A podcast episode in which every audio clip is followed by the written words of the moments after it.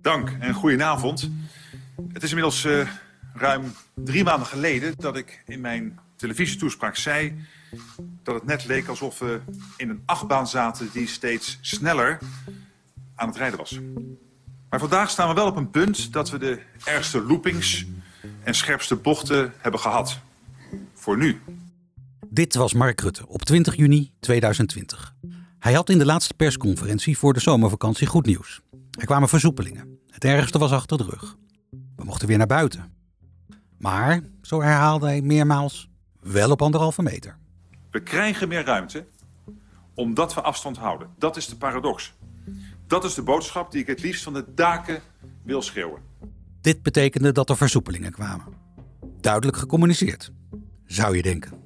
Hij waarschuwde inderdaad heel hard, maar er lag ook wel een hele, uh, laten we zeggen, er werd ook een blije, vrije zomer uh, soort van beloofd. Hè?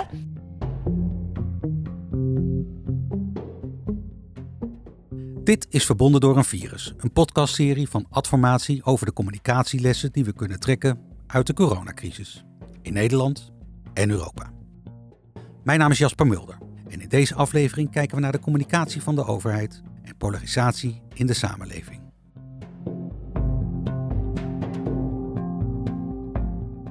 Hoe is die er gekomen? En wat kan er beter? En welke lessen kunnen we eruit trekken? En wat kunnen we van onze Europese bondgenoten leren? Je hoorde net Noelle Aarts, hoogleraar socio-ecologische interactie en Nederlands deskundige op het gebied van communicatie. We spreken met haar over de polarisatie die in de coronacrisis optrad, na een begin waarin samenhorigheid zo elementair was. Na de persconferentie van 20 juni viel Noelle iets op. Los van de woorden communiceert dat toch, er is niks meer aan de hand. Er is geen probleem meer. Dus dat is één, dat mensen het gevoel hadden, jij gaat op vakantie, alle maatregelen worden losgelaten. Ja, anderhalve meter, dit en dat. Maar hè, al heel gauw gatheren mensen samen. Komen ze ook in situaties waarin die anderhalve meter ook lastig is. Hè? En als er dan geen dwang meer ligt, dan wordt dat natuurlijk al gauw over, overschreden. En een ander ding is, is ook het, het moment, de context van wat er toen aan de hand was. Toen uh, de lockdown begon, toen schrok iedereen zich kapot. Dit is een heel ernstig virus, dit is heel erg. We weten helemaal niet wat er aan de hand is. De onzekerheid is super groot en we gaan met z'n allen in een lockdown. En de mensen luisterden hartstikke goed. Hè? Van uh, we gaan er geen handen meer schudden, naar al die dingen meer. Met z'n allen. En ze luisterden niet alleen heel goed in het begin, er was ook heel veel solidariteit. Mensen gingen met elkaar zingen. Uh, ik weet niet of jullie dat ook hadden, maar de grappen op WhatsApp, ze vlogen over je heen. Super geestig vaak. In het begin van de crisis voelden de meeste mensen de urgentie om zich aan de regels te houden. Om solidair te zijn. Samen was het sleutelwoord. Er was grote flexibiliteit. Mensen schakelden moeiteloos over op thuiswerken, vergaderden binnen no via Zoom en Microsoft Teams en ze schudden geen handen meer met elkaar. De eerste barsten in die solidariteit waren te zien bij de beroepsgroepen voor wie de maatregelen enorme consequenties hadden. Kijk, ik werk in de universiteit. Wij moesten thuiswerken. Dat was natuurlijk allemaal gedoe, online leren. Maar ik werd wel iedere maand gewoon doorbetaald, hè? Uh, om maar zo te zeggen. En ik kon ook gewoon werken. Ik zat niet zonder werk. Dus het was gewoon een verandering. Nou, ik ken mensen, veel mensen in de horeca, want daar heb ik zelf ook lang gewerkt. Dat was een heel ander verhaal. En... Een gegeven moment kwamen natuurlijk wel vergoedingen los, maar in het begin was de onzekerheid heel groot. En trouwens niet alleen in het begin, dat bleef natuurlijk. De ZZP'ers die ineens zonder werk kwamen te zitten. De verzorgingstehuizen, de verpleegtehuizen, waar de ellende en de, de droevigheid uh, haast niet meer te overzien waren. Dus de verschillen in de consequenties van de maatregelen, dat was toen ook al heel erg aan de hand. Dus dat, draagt, dat, dat droeg allemaal er ook aan bij dat mensen het, heel veel groepen mensen waren het gewoon helemaal zat. Dus als dan iets mag, dan mag het ook. Ja, en dan is het natuurlijk zo mis, want dan creëer je haast situaties waarin de adviezen, zoals anderhalve meter, niet eens meer uh, te handhaven waren. Een groeiende groep mensen hield zich niet aan de anderhalve meter maatregel. Vooral jongeren werd dat erg aangerekend. Minister van Justitie, Vert Grapperhaus, had hier een uitgesproken mening over. Jullie hebben niet goed opgelet en als je uh, desondanks toch vindt uh, dat je dat soort dingen moet doen, dan is dat asociaal. Ik vind dat je jezelf op die manier buiten je eigen gemeenschap plaatst. Dat ze dan met z'n allen in een park gaan zitten. Ik vond dat volkomen begrijpelijk. Sterker nog, ik zat er zelf af en toe ook bij. Noella Aarts heeft als hoogleraar aan de Radboud Universiteit veel met studenten gesproken. Over hoe die aankeken tegen de maatregelen, het handelen van de overheid en over hun verantwoordelijkheid voor kwetsbare groepen. En wat mij opviel, de meeste studenten die hebben bijvoorbeeld opa's en oma's. En uh, die waren zo voorzichtig. Die, die, die, die waren echt. Ik vond het ontzettend onterecht dat zij uh, beschuldigd werden van uh, losbolgedrag en al die dingen meer. Want in mijn beleving was dat helemaal niet zo. In die tijd werd er volgens Aarts erg weinig met jongeren gepraat. Ze vindt dit een gemiste kans voor de overheid. Ze liet het ook weten in de expertgroep Communicatie, die in het leven geroepen was door het ministerie van VWS. Ze gaf het advies om polarisatie te vermijden en met jongeren in gesprek te gaan.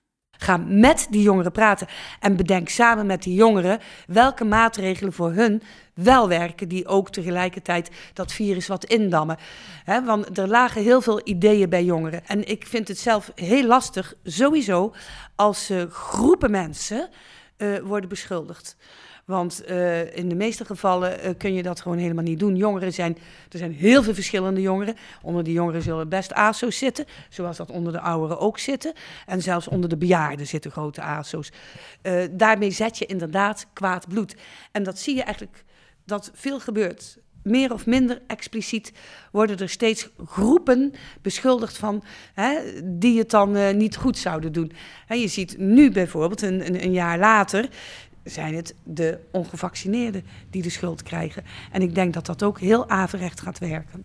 Je zag in, de, in die periode ook, ook wel veel weerstand komen. Hè. Er begonnen demonstraties te komen. Mensen begonnen zich tegen de maatregelen te keren. Na die periode van samenhorigheid, hè, waar, waar die, ja. die ook werd geprezen door Rutte. Um, uh, wat, wat is daar gebeurd? Hoe kwam dat zo in één keer naar buiten toe, uh, die, die, die weerstand? Nou, die weerstand is ook weer veel lager. Hè? Kijk, als mensen op een gegeven moment het gevoel krijgen, wij gaan hier ergens toe gedwongen worden. En dat was vrij rap. Als er een vaccin komt, dan moet iedereen. En wat doen we met die mensen die niet willen vaccineren? Dus men stond eigenlijk al met twee gestrekte benen klaar. En iedereen zal en moet zich vaccineren. Ja, dat, daarmee roep je eigenlijk al heel veel weerstand op bij mensen bijvoorbeeld die jou misschien niet zo heel aardig vinden. Of die jou de laatste tijd wat minder vertrouwen. Of die het gevoel hebben, ja, die overheid die roept maar van alles. Maar als ik iets zeg, ik word nooit gehoord. Hè? Uh, dus je roept eigenlijk de weerstand al een beetje op die manier over je af door daar zo'n nadruk op te leggen. En dat was vorig jaar echt, voordat dat vaccin uh, überhaupt nog ontwikkeld was, waren er al heel veel discussies over uh, uh, antivaxers. En dat heeft, denk ik, dat gevoel van um, wij worden hier niet geaccepteerd, er wordt niet naar ons geluisterd, ja. eigenlijk al meteen heel erg versterkt. Een tweede is dat mensen die zich niet laten vaccineren, of dat niet van plan waren, of nu niet hebben gedaan, die worden heel gauw ook over één kamp geschoren.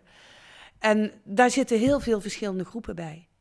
He, daar zitten mensen bij die echt vanuit hun religie overtuigd zijn dat als ze zich laten vaccineren, dat dat echt zwaar tegen de wil van God is. En dat er dan niet fijne dingen gaan gebeuren en dat je hele hiernamaals op het spel komt te staan. En die overtuig je ook niet met allerlei rationele argumenten. Want voor hem of haar is dit het ergste wat kan gebeuren. Dan heb je wat we de wappies noemen. De wappies zijn over het algemeen mensen die uh, zich, laten we zeggen, niet alleen tegen een politieke partij keren, maar tegen de hele politiek, die zich niet gehoord voelen, die zich voortdurend al buitengesloten voelen. En om wat voor reden en of dat terecht is of niet, dat doet er niet toe, maar dat is het gevoel van die mensen. En als die nou ook nog eens een keer worden beschuldigd van, hè, je bent een soort sukkel en je dit en dat, dan kruipen die mensen ook bij elkaar. En die mensen die gaan elkaar bevestigen. En dan krijg je dus juist omdat ze uh, zich afkeren tegen de andersdenkenden, gaan ze juist met degene die het met ze eens zijn. Ja, dan krijg je uh, dat uh, de verhalen al helemaal elkaar bevestigen zonder dat er enige bewijsvoering voor hoeft te zijn. Hè? Dus om die mensen dus zo weg te zetten en om te zeggen, we zullen het ze nog eens een keer uitleggen. Ja, dat vind ik echt een. ik kan me voorstellen dat als je tot die groep behoort, dat dat dat dat beledigend voelt. Ik kan me voorstellen dat zijn natuurlijk wel groepen die vrij geharnast zijn in hun overtuiging en dat je die inderdaad niet bereikt.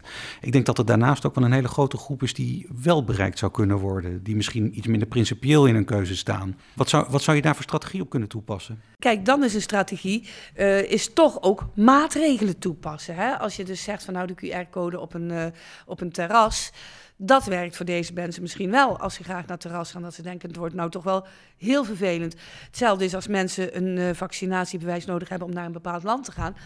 Dan vinden ze het meestal ook niet zo'n probleem. De maatregelen communiceren ook.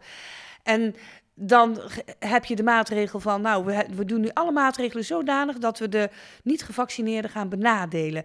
Kijk, en dat communiceert ook. Hè? Gedrag heeft misschien nog wel een veel grotere impact. Als jij van de ene kant staat te roepen, iedereen gelijk. Hè? Je wilt dus eigenlijk dus via je bewuste boodschap zeggen: we sluiten niemand buiten, iedereen gelijk enzovoort. Maar vervolgens maak je maatregelen waarvan je toch eigenlijk wel kunt zeggen: hier zijn vooral de niet-gevaccineerden de dupe van. Wat je daar ook van vindt. Als jij niet gevaccineerd bent, dan voel jij dat uh, toch wel als een hele uh, sterke boodschap. Door de maatregelen ontstond er dus polarisatie in de samenleving. Kamp gevaccineerd tegen kamp ongevaccineerd. Dit beeld zie je duidelijk terug in de media.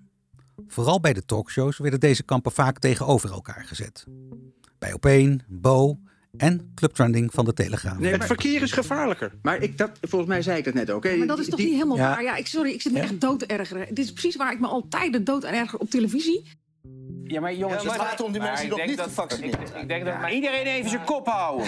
Nee, echt. Ik ben er helemaal klaar mee. Even naar luisteren nou. Ja, nee, maar je kan wel blijven lachen, maar als ik je vraag om je mond te houden, moet je gewoon je mond een keer houden. Nederland is tot stilstand gekomen. We zitten met z'n allen in een harde lockdown. Maar opnieuw uitgezonderd van alle maatregelen zijn de gebedshuizen. Kerken, moskeeën, synagogen. Ze mogen open blijven omdat dit is vastgelegd in de grondwet. Iemand die zich hier al een hele tijd druk over maakt is Tim Hofman. Hij is de gast vandaag en naast hem ook SGP-raadslid voor de gemeente Oldenbroek, Tom de Nooier. De praatprogramma's vallen over elkaar heen en die zijn er natuurlijk ook eigenlijk wel altijd op uit om te polariseren. Dan zie je ook dat meestal mensen ook meteen in die valkuil stappen van eh, jij denkt er anders over. Eh, ja, je zou kunnen zeggen interessant, vertel, een Ja. nieuwe visie. Maar dat gebeurt eigenlijk bijna nooit. Mensen gaan meteen de ander overtuigen van het gelijk. Die ander voelt zich weggezet, gaat, nou, enzovoort. Hè. Ehm, een uitzondering was op een gegeven moment, en daar is ook veel over gesproken, dat op een gegeven moment Diederik Gommers aan tafel zat met Famke Louise, hè, de influencer. Eh, daarom heb ik hier nu ook mijn verhaal kunnen doen vanavond, zodat mensen weten hoe ik erover denk. Ja. En eh, ik weet niet of ik de volgende keer nog deze ha- hashtag ga gebruiken. Misschien zal ik hem wel veranderen. Maar ik vind wel dat er iets moet veranderen. Ja, maar daar, ben ik de- helemaal met jou eens. vanuit En, en, en, politiek en laten we het regelen, dat hebben we al afgesproken. We gaan iets regelen om met, met, met elkaar het gesprek aan te gaan. Het was ook een beetje uitgenodigd van, nou, we hebben hier de, de redelijkheid en de onredelijkheid bij elkaar. Maar die Gommers, die ging vragen stellen. En die ging op een hele andere manier met die Famke Louise om dan eigenlijk misschien wel verwacht. Dat was een heel mooi voorbeeld van hoe een debat ook kan worden gevoerd. Hè? Je gaat de grens over. Ik bedoel, ik woon hier een kilometer van Duitsland. In Duitsland loopt iedereen met mondkapjes. Niemand doet daar moeilijk over. Want het is gewoon verplicht. We doen dat met z'n allen. En het blijft dan communiceren. Er is toch nog steeds iets aan de hand in de wereld. Maar is het dan een Nederlands ding? Het zetten van vraagtekens en hier de antwoorden op proberen te vinden.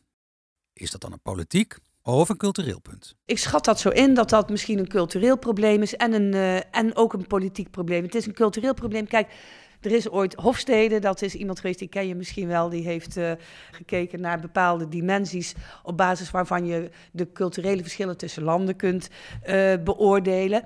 Geert Hofstede is de Nederlandse psycholoog die wereldberoemd werd met zijn zeven dimensies om een profiel van cultuur te maken. De Nederlandse cultuur kenmerkt zich onder meer door een kleine machtsafstand tot autoriteiten en door individualisme. Een land als Nederland is bijvoorbeeld een land waarin eh, de, de, de machtsafstand heel gering is. Dus wij zijn niet heel autoriteitsgevoelig. Dat zijn ze in een land als Frankrijk, zelfs België al, eh, of Italië veel meer eigenlijk. Hè? Ja. Wij zijn in een land waarin we redelijk eh, om kunnen gaan met onzekerheid. Dat is in andere landen ook weer kan dat ook weer minder. Dus er zijn zo'n aantal van die dimensies die maken dat, uh, dat wij, uh, dat, dat de Nederlander vrij individueel, individualisme is ook een behoorlijk kenmerk van hier, toch een iets andere cultuur is en iets anders interacteert met de overheid dan bijvoorbeeld in een land als Frankrijk of Italië.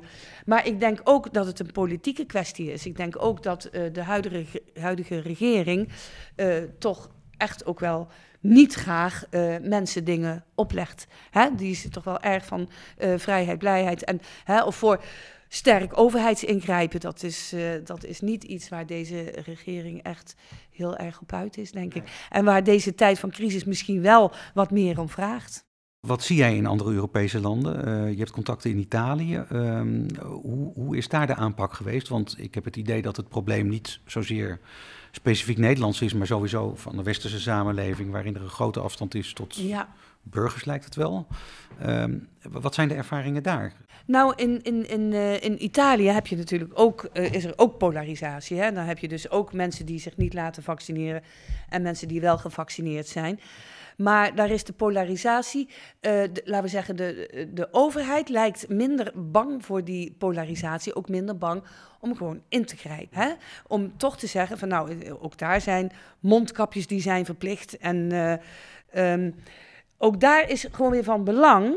Wie zijn die niet gevaccineerden? En dat is ook een beetje een ander verhaal als bij ons. De mensen die zich in Italië niet hebben laten vaccineren, zijn vaak mensen die op het platteland wonen en die binnen de gemeenschap waar ze wonen eigenlijk altijd al op alle gebied streven naar autonomie. Maar die autonomie van uh, grensgebieden in Italië bijvoorbeeld, hè, uh, uh, of van afgelegen rurale gebieden, die drang, naar, die, die drang naar autonomie die is heel erg groot. Dus daar is de vaccinatiegraad in dat soort gebieden is, laten we zeggen, 40% of zo tegen, tegen de 90 in, uh, in het stedelijk gebied. Ja. Daar zijn ook demonstraties van antivaxers, die zijn er zeer zeker ook. Maar op een of andere manier blijft de overheid iets standvastiger in van uh, um, er is een probleem en wij zullen maatregelen treffen om dat probleem op te lossen. Ook een verschil is dat natuurlijk zij, uh, iedereen heeft daar de beelden van Bergamo wel gezien. Hè? Ja. Waar het uh, een enorme haard was in het begin van, uh, van de pandemie. En het, was een, het waren vreselijke tafereelen daar met heel veel coronazieken en doden ook. It's a, a, a very dangerous, is a, a disaster, is a, a, a tsunami. Het is de vraag wat er op Europees niveau zou moeten verbeteren. Tijdens de pandemie ontbrak het aan communicatie en transparantie.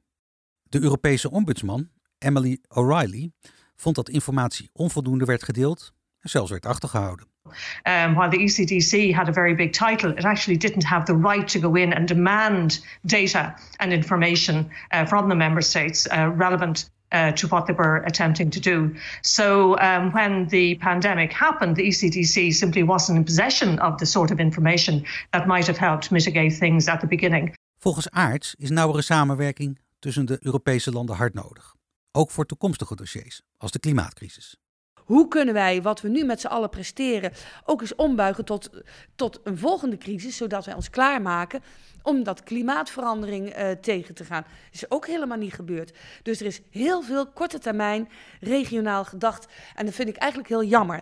Je had gehoopt op goed moment dat hiermee ook wat lessen getrokken zouden worden.